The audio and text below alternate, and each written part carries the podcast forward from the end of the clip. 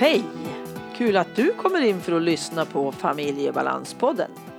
Gäst i det här avsnittet är Anna Sjölund som skrivit ett flertal böcker inom ADHD och autismområdet. Vi pratar om innehållet i hennes bok Hantera, utvärdera och förändra som hon skrivit tillsammans med Bo Heilskov Elfven. Avsnittet görs i samarbete med Comicap, hjälpmedelsföretaget som vill genom mötet med människor förmedla kunskap, väcka nyfikenhet och visa på behovet av kognitiva hjälpmedel och sinnesstimulerande produkter. Du hittar dem på comicap.se. Klicka in där vet jag. Sist i avsnittet så kommer boktipset. Ann-Katrin Noreliusson heter jag som driver den här podden och jag vill med podden och mitt arbete förändra situationen för personer som har en eller flera MP-diagnoser och de som finns i deras omgivning. Och du vet väl att du som är anhörig till någon med tvång kan gå en webbkurs hos mig och familjebalans. Och det är ju för dig som vill lära dig mer om tvångssyndrom, hur du som anhörig ska göra och vad det finns för hjälp. Kolla in familjebalans.se under fliken tjänster så hittar du information där. Men nu kör vi igång!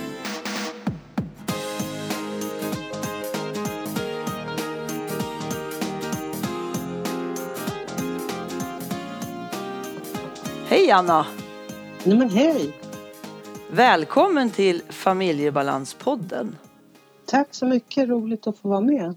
Det ska bli jättespännande, tycker jag, att få prata med dig runt en bok som du har skrivit tillsammans med Bo Heilskov Elfven.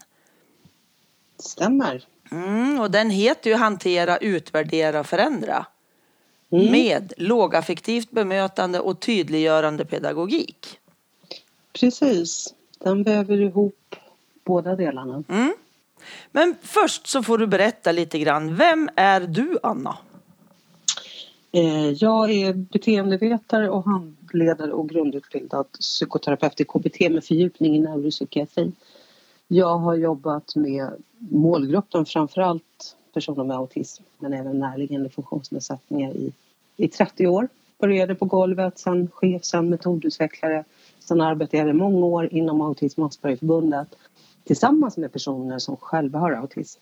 Gunilla Gärland rekryterade mig till ett projekt som hette Empowerment eh, för att stärka personer med egenerfarenhetsröst både inom föreningen men också ute i samhället. Så i sju år varje dag sida vid sida så jobbade jag med ett nätverk på 1500 personer som har autism. Eh, Och det har varit mina bästa lärare.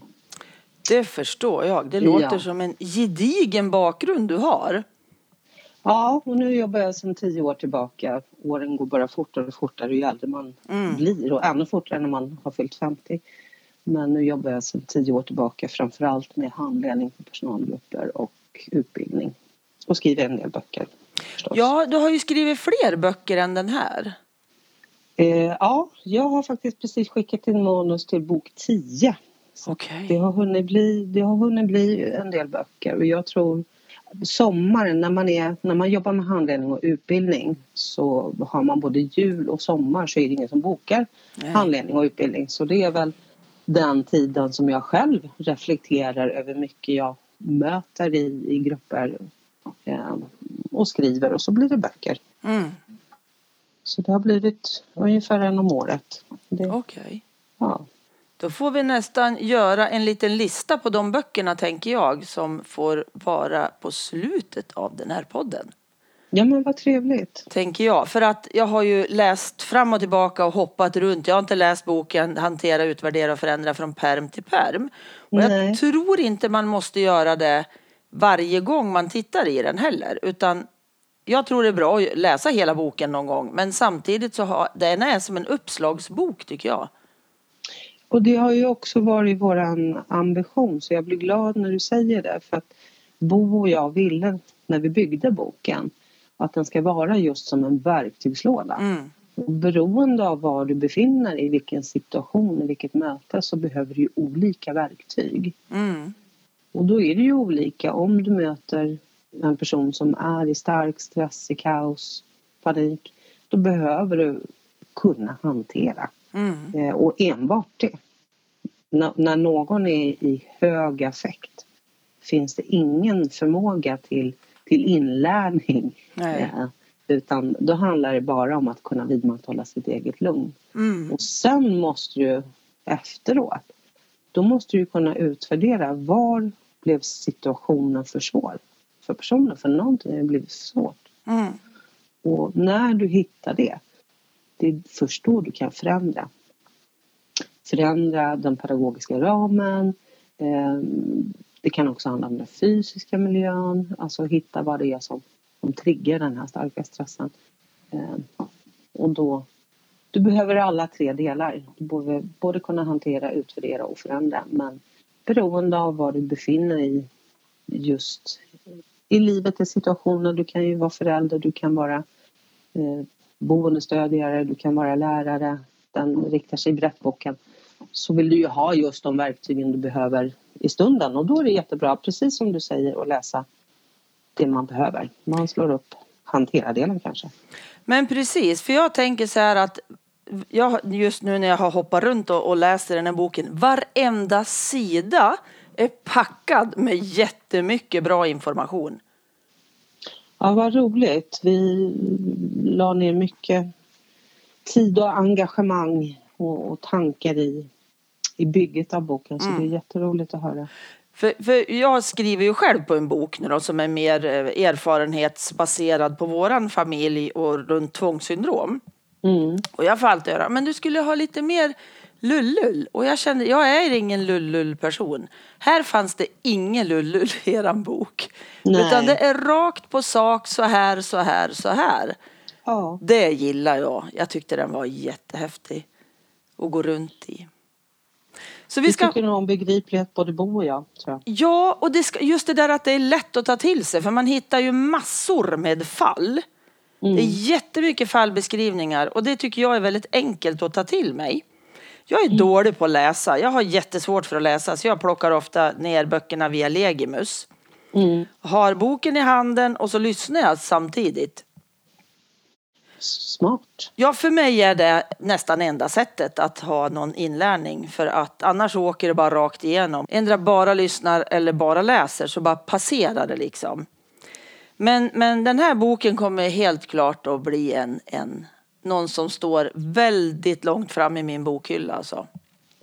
Vad roligt att höra. Jag tänker att jag tror att fler skulle kunna kanske ha nytta av det tipset som du ger nu. Att ladda ner via Legimus mm. och lyssna och titta samtidigt. Men alla kanske inte vet vad Legimus är. Nej, jag har det i ett avsnitt tidigare så beskriver jag Legimus och eh, berättar lite kort i förra avsnittet också om eh, att man kan gå till biblioteket. Då du behöver inte vara utredd för läs och skrivsvårigheter eller ha en diagnos på något sätt utan du berättar på biblioteket att eh, du behöver något extra när du läser.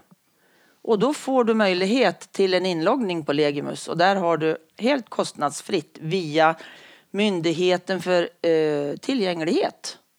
Tror jag det heter. Det är helt fantastiskt. Jag tror att det är så. Och där finns alltså otroligt mycket böcker. Det är inte bara läroböcker och inte bara skönlitteratur och inte bara fakta. Det finns massor. Så jag har mm. läst och lyssnat där jättemycket, alltså de sista två åren kanske. Och det var på MPF-forum faktiskt för några år sedan som jag träffade på just de här som jobbar med Legimus. Och förstod alltså det fantastiska med det. Så att det är verkligen något som fler skulle behöva hitta till. Men hur, hur jag vill ju veta lite, hur tänkte ni när, ni när ni skrev boken? Vad var det liksom som var eran drivkraft till att göra den? Uh, nej men allting började egentligen, det kan, jag, jag, tror att det kan vara tre år sedan när Bo och jag pratade, det var på en konferens i Göteborg. Mm sådär som man gör ibland, byter erfarenheter. Och då berättade jag för honom, för vi handlade ju mycket båda två, att jag har börjat i många handledningsgrupper att använda att kravanpassa efter dagsform. Mm. Att använda trafikljuset. Mm. Så att det är så begripligt och enkelt att när man har mycket ork, när man är på grönt. Mm. Eh, ja men då kan vi till exempel om vi arbetar med boendestöd. Mm kanske göra lite fler saker tillsammans. Men har man mindre ork, om man är på gult, då måste vi ju kravanpassa, alltså göra mindre. Och är man på röd nivå så har man kanske nästan inte i princip någon ork alls. Det kanske är då man till exempel i boendestödjare som man bara ska ta soppåsen och gå därifrån.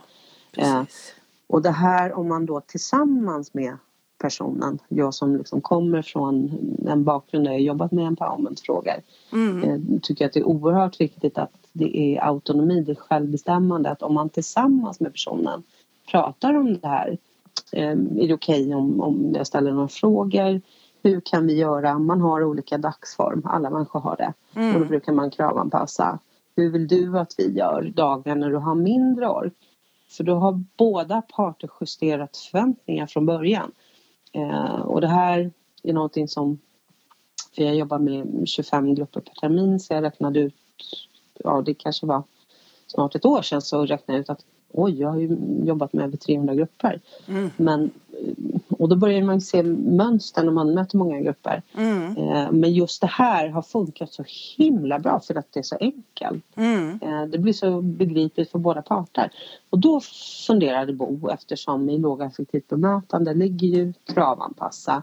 Eh, och Bo vet också för han han vet att jag har jobbat mycket med tydliggörande pedagogik. Mm och skrivit om det tidigare så då tyckte han att vi borde ju skriva en bok tillsammans där vi väver ihop det här tydliggörande pedagogik, lågastigt bemötande och det du säger. Mm. Uh, för vi möter, både Bo och jag har mött många grupper där man funderar ska vi jobba med lågaffektivt bemötande eller ska vi jobba med tydliggörande pedagogik? Och det är inte antingen eller, Nej. det är ju både och. Mm. Mm. Men många delar ur det ena och det andra är ju i olika faser. Eh, när vi möter någon mm. som är i stress och panik, ja men då är det ju mer ladd, lågaffektivt bemötande, verktyg. Mm. Eh, och är det i förebygga, att bygga eh, ja, men en, en vardag som funkar helt enkelt så är det ju mer verktyg ur tydliggörande pedagogik. Mm. Men eh, under ett liv så behöver man ju alla delar och någonting som också är sådär väldigt intressant för att det här med att kravanpassa när människor får tid att tänka. Pedagoger, ja, boendestödjare, alla, alla möjliga yrkeskategorier. Jag ställer frågan men hur gör du i ditt eget liv? Har det hänt att du någon gång en vecka där det är liksom stressigt på jobbet, det är mycket prov att rätta mm. eller Eh, det, det är liksom semesterscheman. Har det hänt att du någon gång själv har tänkt jag dammsuger imorgon istället? Mm. Eller har det kanske till och med hänt att du har tänkt nej, idag får det bli hämtmat. Mm. Och jag har inte mött en enda människa hittills som inte kravanpassar för sig själv Nej. hela tiden. Man använder inte ordet bara och tänker på vad det är. Nej, Nej och då kommer något mm. väldigt intressant. Mm. För det här är ju människor som inte oftast inte själva har någon egen alltså, kognitiv funktionsnedsättning, någon autism. Som, som har en, en bättre flexibilitet och mm. ett, ett, högre vardagskapital, alltså mm. mer ork i, i botten. Mm. Och de kravanpassar för sig själva hela tiden.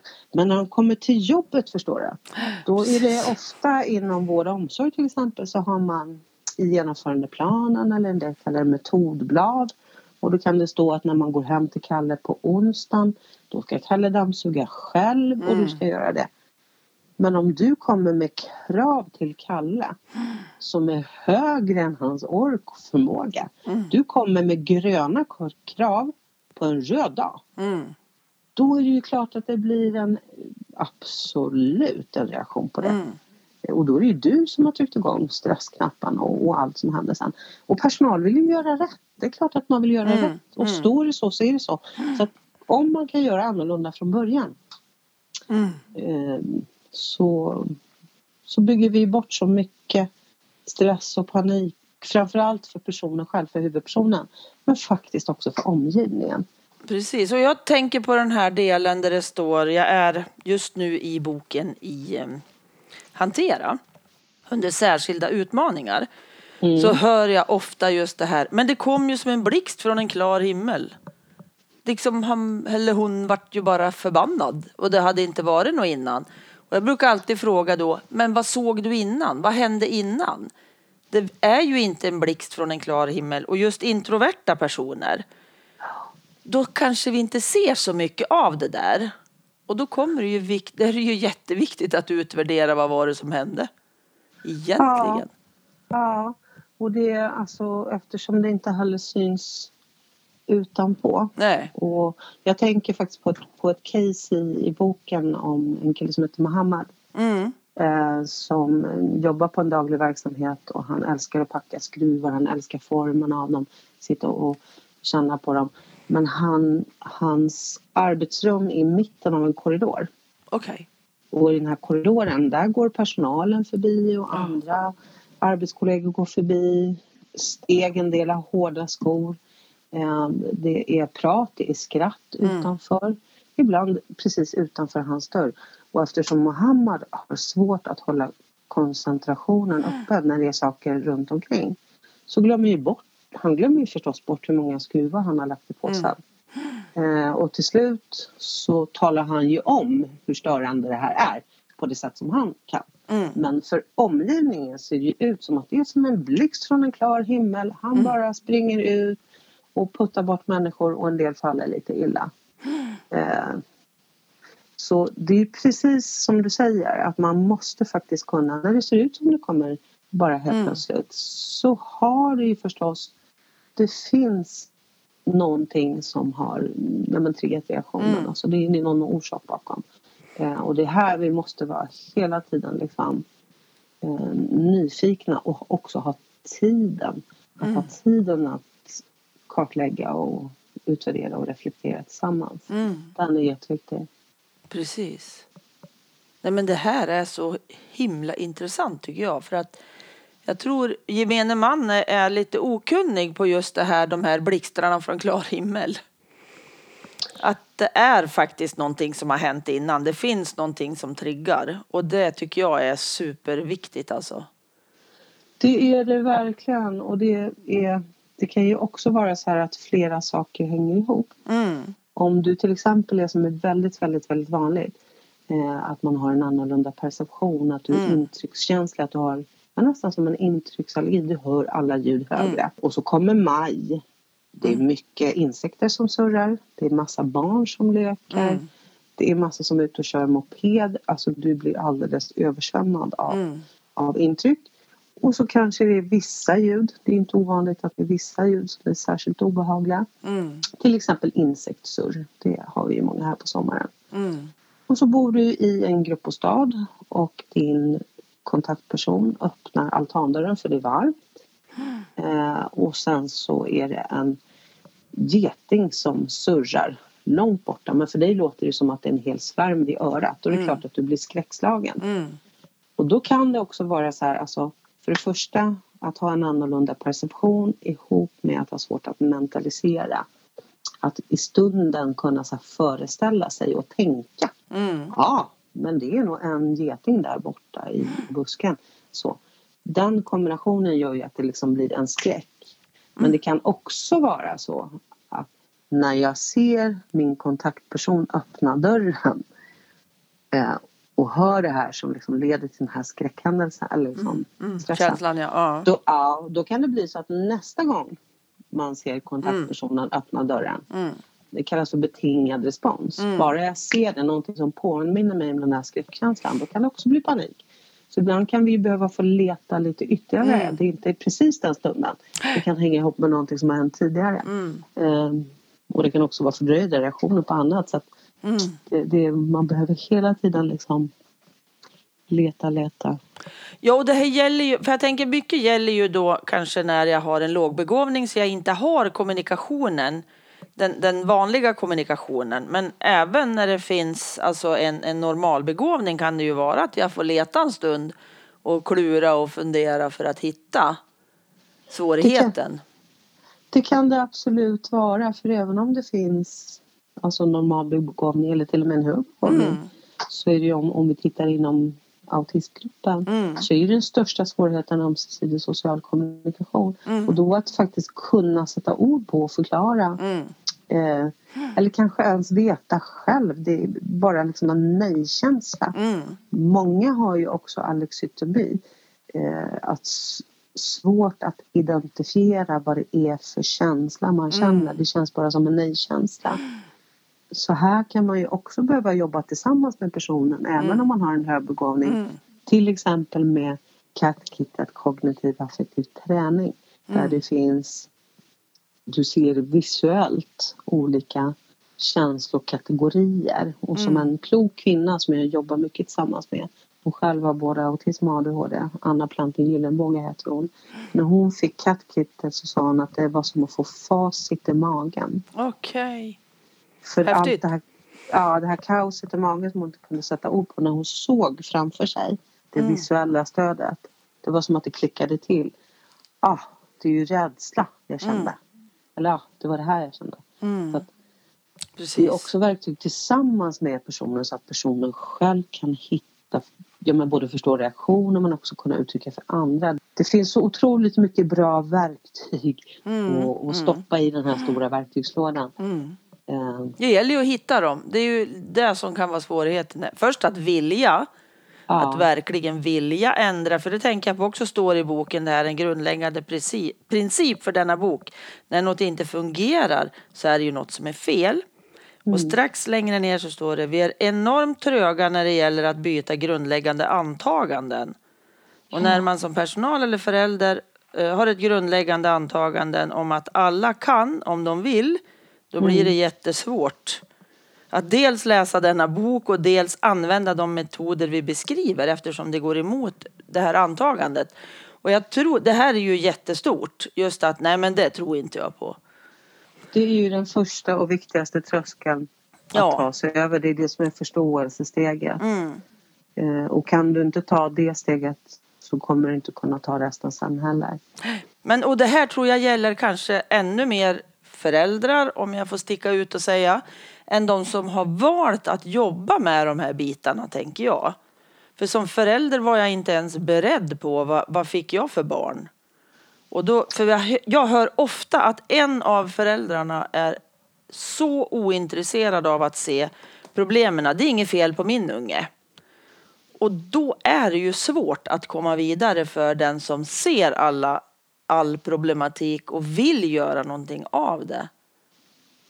Det hör jag Ja. ganska ofta, tyvärr. Det är klart att det blir jättesvårt. Och det kan ju också i, i olika familjer liksom ha mm, olika orsakssamband. Eller ibland Mm. kan det ju också vara en reaktion i, i stunden eller så. Eh, men jag tycker att föräldrar i regel får för lite stöd. Mm. Så här skulle man ju verkligen faktiskt behöva stöd. Och kanske stöd som hel familj så Mm. att man justerar förväntningar som man har på, på varann. Mm. Precis det här med att acceptera, tänker jag. Att nu blev det så här. Nu får vi göra det bästa av det vi har, Ja, tänker jag. ja, För så är det många gånger, tycker jag, i, i, som har varit i vårt eget liv genom att jag har barn med NPF och även fick en diagnos sent själv. Att eh, det gäller att acceptera det och se ändå att ja, men nu, nu är det så här och då får vi jobba utifrån det och göra det bästa av den situationen. Liksom. men absolut, man får rita om kartan. Ja, precis. Och hitta verktyg i, i verktygslådorna. Precis. De finns det gott om, de här verktygen. Eh, och, stannar vi lite grann i det här med att hantera Mm.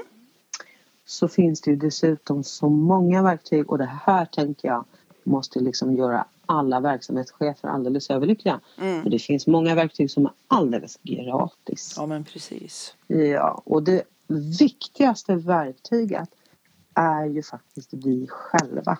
Vi som Mm. håller i verktygslådan. Vi, vi är det viktigaste av allt. Eh, för om inte vi kan justera oss själva så kommer inte vi kunna använda verktygen rätt heller. Men när det handlar om situationer där det är en hög stress, en stark stress så är faktiskt det viktigaste av allt att vi själva kan vidmakthålla vårt eget lugn. Mm. För idag vet vi, det här finns det mycket studier och det finns också i, i slutet av boken så, så finns det ett eget referenskapitel. Men vi vet att affekter smittar. Ja. Om, och här har vi skillnaden, särskilt om du är på en, på en tidigare utvecklingsnivå så är det ännu svårare. Men om du skulle komma in i ett rum eller om jag skulle komma in i ett rum då kan vi känna att människor är stressade. Mm. Eh, om, om det är någon. Eller om någon kommer in i ett rum där vi redan är och det är någon som är i hög stress. Då kan vi känna. Men skillnaden är att vi kan göra det här tankesteget. Mm. Vi kan säga oj, han som kommer in, han verkar stressad. Men när du inte kan det, då liksom går det rakt in. Mm. Det är som Gunnel som jag jobbade med som själv hade autism tidigare brukade säga att eh, jag saknar farstu. Det Mm. går liksom rakt in. Eh, och är man då hamnar man själv i stress när någon är stressad då blir det lite som en sån här pingpong med, med stressorer fram och tillbaka. Mm. Om jag kan vidmakthålla mitt eget lugn då kan jag dels här lite grann smitta eh, personen som själv är i hög stress med mitt eget lugn. Men framförallt blir det ju också så att jag inte häller mer bensin på brasan. Nej. För om Precis. jag själv skulle hamna i affekt, om jag skulle närma mig min snabba steg personen, om jag skulle kräva ögonkontakt, ja men då kan jag ju vara säker på att jag liksom ja, ökar på personens affekt ännu mer. Mm. Men om jag istället kan vidmakthålla mitt eget lugn, inte kräva ögonkontakt, huvudregel backa två steg istället, redan där. Mm. Och det här är ju sånt som inte kostar några pengar utan det här handlar bara om kunskap. Mm. Hur gör jag när någon hamnar i kaos och panik? Mm. Eh, Och när man själv liksom har de här förståelseverktygen så blir man ju också automatiskt tryggare i hur man ska hantera det. Och då är det lättare att vidmakthålla sitt eget lugn. Mm. Och det kan till och med vara så här att man har nytta av, och det här är ju också gratis, du förstår så mycket gratis verktyg. Massor. ja, det finns så mycket bra studier också på att om man själv börjar hamna i, i lite stress, att andningen Mm. är ett jättebra verktyg. Det kan vara ta tio djupa andetag eller det kan vara att sätta ihop tre fingrar och ta eh, föra dem mot ansiktet. Så, fingrarna är stängda och så tar du ett djupt andetag inåt. Och sen så tittar du på fingrarna och, och öppnar upp de här tre fingrarna och så andas du ut. Mm. Så, du får också ett fokusskifte, titta Mm. på någonting annat. Bara liksom att, att hitta någonting och ju mer du övar på det desto snabbare går det ju liksom Mm. att hamna i, i calm asserting mode. Backa två steg, inte kräva ögonkontakt, några djupa andetag. Här har vi egentligen väldigt enkla, basala men också helt kostnadsfria verktyg. Mm. Eh, och, och liksom bara man är medveten om, om det steget i hantera, alltså när någon är i kaos och panik så är mycket vunnet. Eh, Och man också är medveten om att när någon är i hög effekt, när någon är i kaos och panik så går det inte, personen kan inte lära någonting. Det går inte att prata om sluta med det där, skärp dig, utan det är just bara att hantera, att liksom vänta ut Mm. när man är på stress 10. Det måste klinga av först Mm. innan du kan gå vidare till utvärdera steget. Mm. Och jag tänker också så här, det finns ju situationer där man känner själv, aj, aj, aj, det här är jobbigt att gå in här nu. Mm. Att man liksom lägger av sig det utanför på något sätt. Att jo, men jag känner så här nu och jag accepterar att jag känner så. Ja. Men jag ska inte ta med mig det in. Det, det, det är så här bara. Och så kan jag gå in och vara lite renare än att jag går in i känslan och så tar jag med mig den. Och, ah! Så jag är liksom irriterad redan innan jag kom in genom dörren. Och det tänker jag också ofta är ganska bra. Att man liksom checkar in sig själv på något vis innan man kliver över tröskeln. Absolut, det är ju liksom att ta på sig den professionella rocken. Ja, och lika hemma tänker jag. När, jag har, Mm. när jag vet att min unge där inne, nu är den jättearg och jag är också jättearg, men jag måste liksom, jag måste stanna upp och då är andningen bra.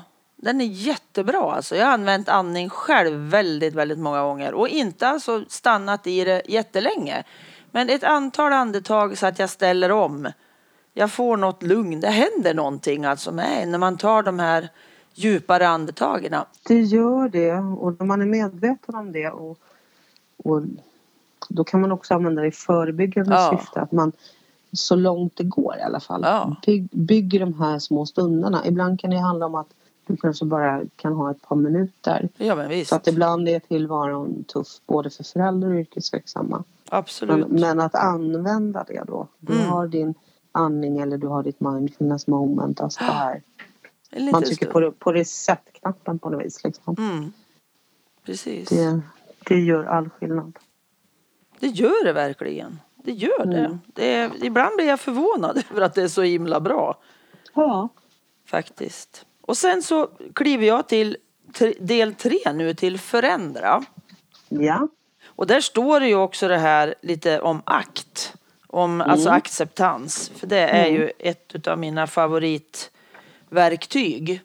För jag tycker att just akt har ett, ett fantastiskt, en fantastisk möjlighet till just att acceptera, ja men så här är det. That's life. Det blev så här. Och så får jag gå ut ifrån det liksom. Vad det vi inte kan förändra kan vi inte förändra utan det måste vi förhålla oss till annorlunda. Ja. Där, Lika som att jag kanske blev längre än vad jag trodde eller kortare. Typ. Kan jag inte Ja. heller göra något. Och inte att det snöar eller är för varmt ute heller. nej, Och då precis. behöver, det är ingen idé att gå och irritera sig på de där sakerna som inte går att göra något åt. Men ibland behöver man hjälp på vägen. Att klara av den här acceptansen. Ja. Så är det verkligen och där finns det otroligt mycket bra verktyg i, Mm. i ACT. Ja, och det finns också en sån här väldigt bra första bok. Det finns en pocket, jag tror den kostar 49 kronor. Russ Harris Lyckofällan. Mhm. brukar vara en sån här bra första Mm. bok för många. Precis, jag blir aldrig klar med hans eh, akt helt enkelt tror jag den heter. Mm. Den kan jag läsa hundra gånger. Och det är så Ja. mycket bra affirmationer och det är jättemånga bra små, ja, vad ska jag säga, berättelser att läsa och lyssna till. Och det finns ju också massa material på hans hemsida. Det är det. Och sånt är vi tacksamma för. Att Mm. det finns mycket som man liksom kan ladda ner gratis. Det Precis. hjälper många. Det blir tillgängligt. Mm. Och här bak i, då i del tre på eh, Förändra Mm. så finns det ju, så står det det är ett kapitel här, tydliggörande pedagogik. Mm. om Klara som har svårt att använda sig av Theory of Mind och lite sånt och runt där. Mm. Och Lisa som stimmar ofta. Kan du förklara vad stimmar betyder? Eh, STIMS är till exempel, det är väldigt vanligt i, inom autismspektrum att man har STIMS. Mm. Och det är ett sätt att självreglera, om vi tänker oss att vi har autism. När vi möter starka, mm, överväldigande känslor, händelser eh, eller liknande så kan vi behöva självreglera. Och vi kan se, ofta när vi tittar på en persons beteende bara, så kan vi se någon som eh, flaxar med händerna, Mm. någon som gungar fram och tillbaka, någon som kanske knappar med fingrarna, någon som kanske till och med ibland biter sig lite grann. Mm. Och det kan vara, alltså, man kan behöva, om man har autism så kan man behöva stimma både när man är nervös och rädd, alltså det, det är känslor som, som är lite skrämmande. Men det kan faktiskt också vara om du älskar lego Mm. och så får du det nyaste lego som du har längtat efter och det är liksom lycka i hela kroppen. Mm. Så vi som har arbetat väldigt länge med personer eller funnits nära personer med autism länge kan se skillnad i liksom stimsen även om det är handviftningar vid båda. Mm. Liksom att bli rädd eller glad. Så Mm. kan man se om det är glad stims eller rädd stims. Men om man inte förstår det här, om man inte har autismspecifik kompetens, om man inte vet vad stims är och att det är en copingstrategi för personen själv Mm. du och jag som inte har svårigheter i ömsesidig social kommunikation. Vi när vi möter någonting i vår omgivning som liksom ger de här överväldigande känslorna antingen om man blir rädd eller glad. Vi sätter ju ord på det. Åh vad fantastiskt det här nya legot som jag har längtat efter. Mm. Åh så länge och titta de här och tack så mycket. Vi har en liksom, direkt kan plocka fram orden men när du inte kan det så måste du det måste ju få ta sig uttryck på något sätt Mm. här, när man inte vet om det, och det här tycker jag är skrämmande för, för jag har mött på personer som har själva autism och som har berättat att när de har funnits faktiskt både i LSS men också i behandlingshem eh, att omgivningen har tänkt att man kan inte hålla på och vifta sådär. Och så har man kanske hållit i Lisas Ja. hand när Mm. hon stimmar. Mm. Men då måste det ju fortfarande ta sig uttryck och då har har börjat slå huvudet i väggen istället. Mm. Så att när man ser ett beteende hos en person med autism som man inte förstår Mm. vilken funktion beteendet har för Mm. personen själv. Aldrig någonsin utan en grundlig utvärdering och kartläggning. Precis. eh, Någon form av intervention. Glöm aldrig den viktiga kartläggningen. Nej. Och jag tänker bara på, på små barn som får någonting. De kan ju stå och hoppa. För att man kan inte Ja. uttrycka sig. Ja, det är svårt liksom och säga åh vad glad jag är. Jag kanske inte ens har det språket än. Men jag kan stå och hoppa och liksom. Eller det kan man ju göra uppe i högre ålder också för man vill ha ut det på något vis. Ja men absolut, du måste liksom få utlopp för Ja. allt det här. Och när man förstår det så blir det inte så läskigt heller. Nej, och här finns det, alltså det finns så många kloka personer som själva har autism som är bra på att faktiskt förklara alltså Mm. när, när allt är lugnt och bra. Och det finns en kvinna i England, Storbritannien, som har en blogg. Eh, Den heter Agony Auti. Eller hon Mhm. finns faktiskt på Facebook. A-G-O-N-Y Vänta ska jag skriva här samtidigt. A, G, O-N-Y O, ja, Y, Agony, Agony, ja, ja, A-U-T U, T, I I, E E, Och henne kan man följa kostnadsfritt. Hon gör små filmer. Mhm. Hon har bland annat gjort en film just om STIMS som är alldeles fantastisk. Och hon har så bra strategier i sitt eget liv. liv. Mm. Eh, Men, men hon har också förstått att när hon stimmar att aha, andra människor tänker saker mm. när jag stimmar. Hon har gjort den insikten. Så hon har faktiskt gjort en egen liten stimstance. Mhm.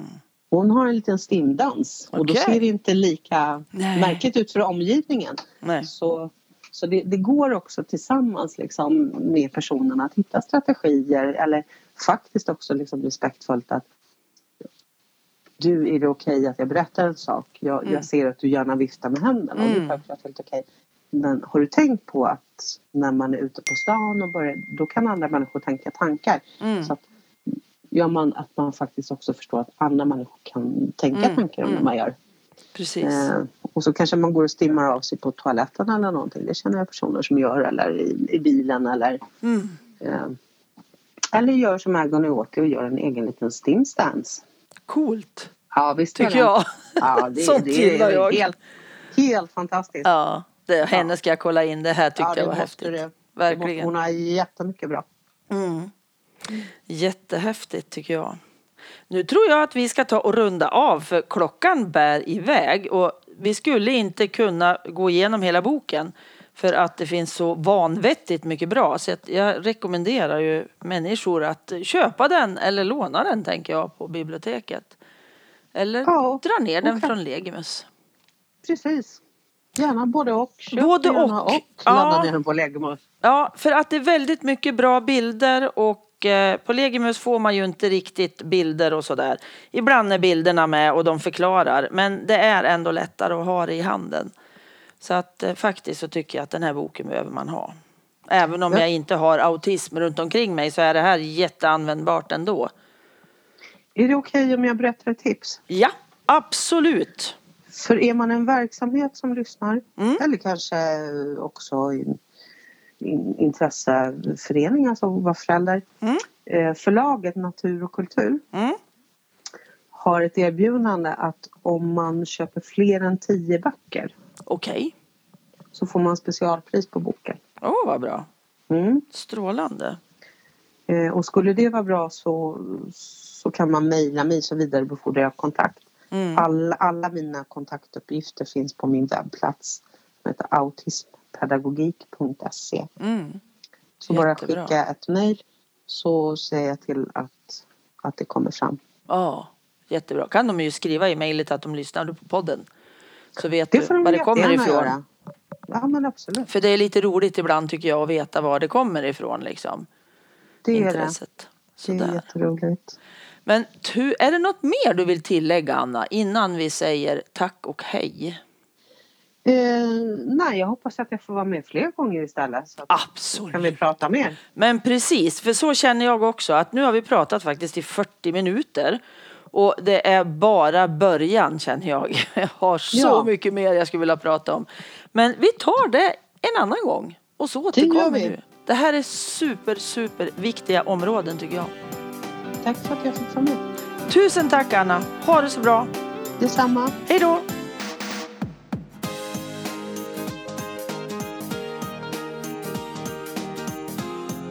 Boktipset. Hantera, utvärdera och förändra med lågaffektivt bemötande och tydliggörande pedagogik. Av Bo Heilskov Elfven och Anna Sjölund. Äntligen kombineras verktyg från lågaffektivt bemötande och tydliggörande pedagogik till en pedagogisk helhet. Verktygen är uppdelade i tre olika verktygslådor. Hantera, utvärdera och förändra. Som personal eller förälder behöver man behärska alla tre. I perioder av stress och kaos så behöver man kunna hantera. Man behöver sedan kunna utvärdera orsaker till stress och kaos. Men också ta reda på vilket stöd personen behöver. Sen behöver vi kunna förändra, vilket ibland innebär träning, ibland förändring av den fysiska miljön och viktigast av allt att förändra den pedagogiska ramen så att den anpassas efter personen.